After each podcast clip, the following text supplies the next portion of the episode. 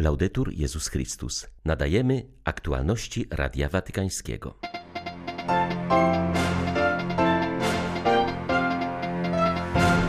Kościół w Japonii apeluje o położenie kresu zagrożeniu nuklearnemu, które wisi nad całym światem. Dziś mija 76 lat od zrzucenia bomby atomowej na Nagasaki. Międzynarodowy Komitet UNESCO jest zaniepokojony losem średniowiecznych kościołów wykutych w skale w Etiopii. Miejsce, gdzie się znajdują, zostało zajęte przez rebeliantów. Mimo pogorszenia sytuacji w Afganistanie, katolickie zakonnice zamierzają pozostać w Kabulu. Bez ich pomocy dziesiątki niepełnosprawnych dzieci zostałyby bez opieki. 9 sierpnia witają Państwa ksiądz Krzysztof Ołdakowski i Beata Zajączkowska. Zapraszamy na serwis informacyjny. We Francji zamordowano katolickiego kapłana. Sprawca sam zgłosił się dziś rano na policję i przyznał do morderstwa. Jest to ten sam mężczyzna, który w ubiegłym roku został oskarżony o podpalenie katedry w Nantes. Ofiarą jest 60-letni ksiądz Olivier Mer ze Zgromadzenia Misjonarzy Montfortanów. Na wieść o jego śmierci francuski episkopat wyraził smutek i zaskoczenie z powodu zabójstwa. Wezwał też do modlitwy za zmarłego i jego rodzinę Na miejsce zbrodni udał się minister spraw wewnętrznych Francji, który zapewnił katolików tego kraju o swoim wsparciu. 40-letni zabójca jest Rwandyjczykiem. Po tym, jak został oskarżony o podpalenie katedry w Nantes, kilka miesięcy przebywał w więzieniu. W czerwcu został jednak zwolniony i pozostawał pod kontrolą sądu w oczekiwaniu na proces. Dachu nad głową użyczyła mu wspólnota Montfortanów, gdzie wczoraj doszło do morderstwa. Ksiądz Mer określany jest mianem oddanego ludziom kapłana, który żył głębią wiary. Mija 76 lat od zrzucenia przez Stany Zjednoczone bomby atomowej na Nagasaki. Trzy dni wcześniej amerykańska armia w ten sam sposób zbombardowała Hiroshimę. W wyniku eksplozji w obu tych japońskich miastach zginęło nawet 120 tysięcy osób. Wiele zmarło lub zachorowało długo po bombardowaniach w wyniku promieniowania. To jedne z najbardziej niszczycielskich wydarzeń w historii świata i znak ostrzegawczy dla nas wszystkich, czytamy w komunikacie Międzynarodowej Organizacji Pax Christi, zajmującej się od czasu II wojny światowej promocją pokoju między narodami. Wyraziła ona uznanie dla państw, które w tym roku podjęły działania prowadzące do likwidacji arsenału nuklearnego. Pierwsze konkretne działania wynikające z traktatu obejmują pomoc dla ofiar prób jądrowych oraz rekultywację skażonych terenów. Mamy szansę wspólnie położyć kres zagrożeniu nuklearnemu, które wisi nad całym światem od czasu zniszczenia Hiroshimy i Nagasaki, uważa ksiądz Andrea Lembo, misjonarz od 10 lat pracujący w Japonii. Dwa tygodnie temu japoński Sąd Najwyższy poszerzył terytorium wokół epicentrów wybuchów objęte szeregiem przywilejów socjalnych i zdrowotnych dla zamieszkujących je osób. Wsparcie popłynie do kolejnych tysięcy ludzi, którzy w wyniku promieniowania zachorowali na raka i inne choroby. To pocieszające, że państwo o nich pamięta, uznaje, iż skutki tragedii nie kończą się tylko na jednym pokoleniu, ale trwają dziesiątki, a może nawet setki lat. Stąd tegoroczne upamiętnienie tragedii Hiroshimy i Nagasaki ma też odcień radości i nadziei. Dzięki tej rocznicy japoński naród co roku zatrzymuje się także na medytację wartości pokoju i absurdu wojny. Podczas uroczystości przywoływane są słowa papieża Franciszka o złu, jakim jest posiadanie i używanie arsenału nuklearnego. Kościół odgrywa w Japonii znaczącą rolę w refleksji na temat energii jądrowej i posiadania broni atomowej. Przetaczająca się przez etiopski region Tigraj krwawa rebelia budzi poważny niepokój o znajdujące się na tym terenie bezcenne zabytki. Rebelianci zajęli właśnie Lalibelle. Jest to święte miejsce etiopskiego kościoła ortodoksyjnego, do którego zmierzają liczne pielgrzymki chrześcijan. Słynie z 11 wykutych w litej skale monumentalnych kościołów zbudowanych w XII i XIII wieku i jest wpisany na listę Światowego Dziedzictwa Kulturalnego UNESCO. Sytuacja w Tigraj wciąż jest bardzo trudna. nie widać nadziei na przywrócenie pokoju. Prawdziwym dramatem jest sytuacja ludności, do której wciąż nie trafia pomoc humanitarna potrzeba bardziej zdecydowanych działań wspólnoty międzynarodowej. W przeciwnym wypadku dziesiątkom tysięcy ludzi grozi śmierć głodowa, mówi Radiu Watykańskiemu ksiądz Musi Zeraj. Konsekwencje tego gestu agresji i prowokacji, jakim jest zajęcie La Libelli, mogą być dramatyczne.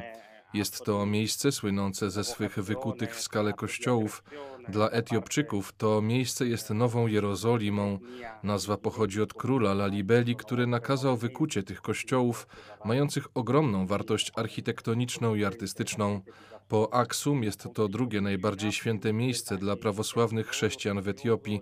Wspólnota międzynarodowa musi bardziej zaangażować się w powstrzymanie tego konfliktu i rozpocząć negocjacje pokojowe. Pilną rzeczą jest dostarczenie pomocy ludziom od miesięcy cierpiącym dramatyczne skutki konfliktu. Pierwszą rzeczą jest obecnie dostarczenie pomocy żywnościowej i medycznej potrzebującym.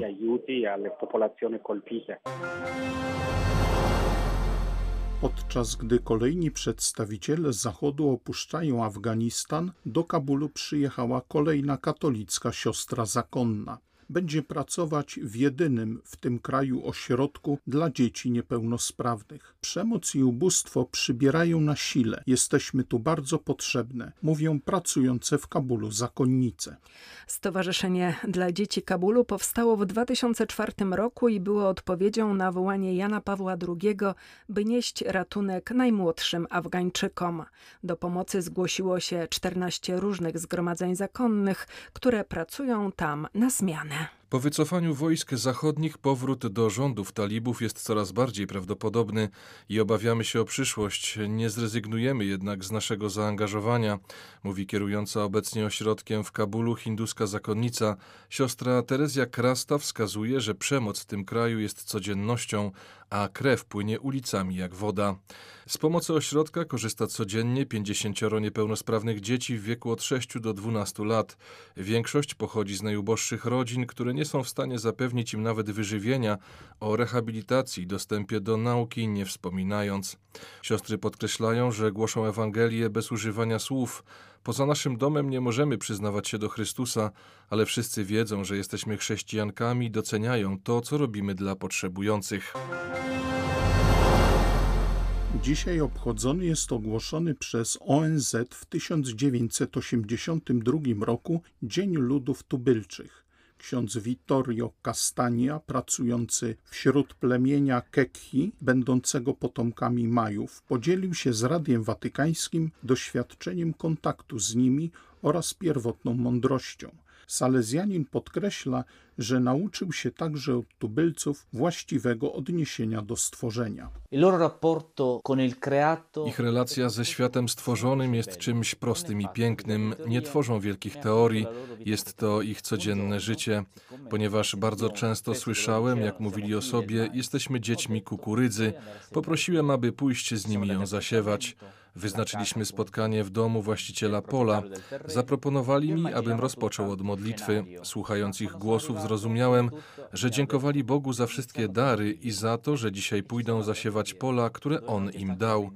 Następnie poszliśmy na miejsce, które mieliśmy zasiewać i miała miejsce kolejna modlitwa, w której poprosili mnie o błogosławieństwo ziaren kukurydzy. Zrozumiałem wtedy, że każde ziarenko jest dla nich darem Boga. To było bardzo piękne, ponieważ zrozumiałem, na czym polega ich relacja ze stworzeniem. To relacja opierająca się na dziękczynieniu, nie na posiadaniu. Nigdy nie mówią moja ziemia, ale zawsze ziemia Boga. Dla mnie było to znaczące, ponieważ czułem, że tubylcy stają bardziej w służbie stworzenia.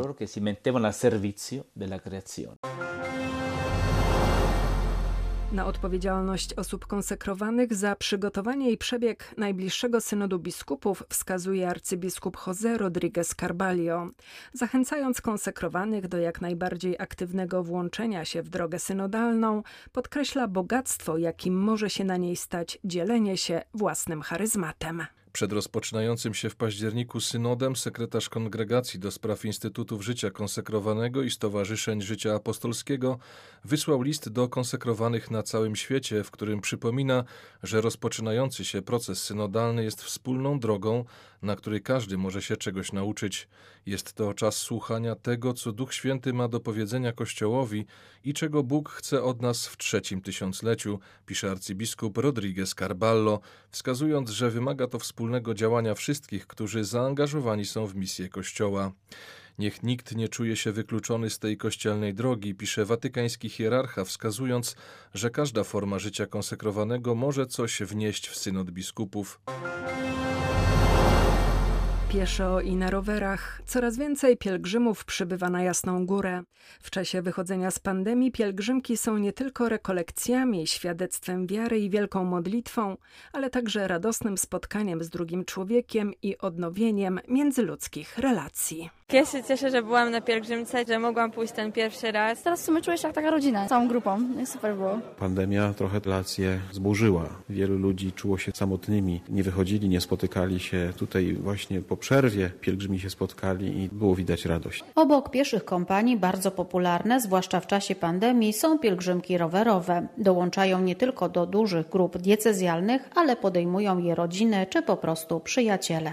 Chcieliśmy odpowiedzieć na wyzwanie panów, którzy mieli już trzecią z kolei pielgrzymkę rowerową. Nasza jest to wydanie drugie. Modliłyśmy się za inne kobiety, ale intencje też zbierane były w naszym kościele parafialnym. Dwa dni jechaliśmy i 260 kilometrów. Po raz drugi przyjechaliśmy na Jasną Górę. W tamtym roku po raz pierwszy z racji pandemii i, i braku pielgrzymek. Cel osiągnęli też Dominikanie z Krakowa. W roku jubileuszy 800-lecia śmierci założyciela zakonu i 30-lecia pielgrzymki bracia prosili o żarliwość świętego Dominika w podążaniu za Chrystusem i głoszeniu Ewangelii. Reprezentując pielgrzymkę, całą trasę pokonało kilku zakonników. Dla Radia Watykańskiego Izabela Tyras, Biuro Prasowe Jasna Góra News. W oczekiwaniu na beatyfikację prymasa Wyszyńskiego.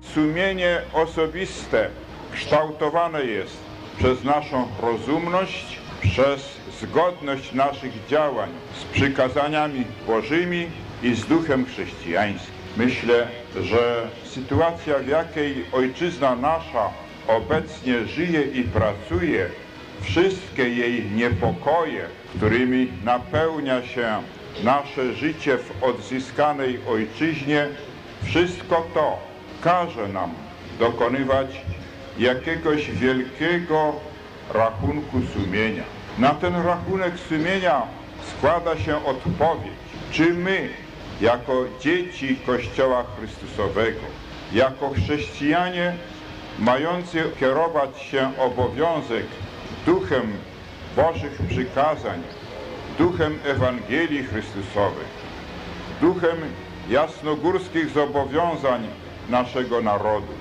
Czy my to wszystko, co jest potrzebne do trwałego budowania pokoju Bożego w naszej Ojczyźnie, czy my to prawdziwie wykonujemy. I chociaż na to każdy sobie odpowiada, zależnie od tego, co mu sumienie mówi.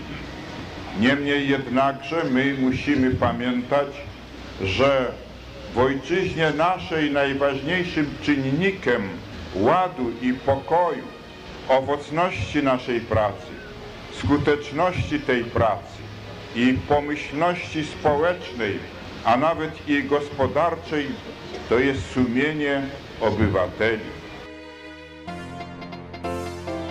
Były to aktualności Radia Watykańskiego. Laudetur Jezus Chrystus.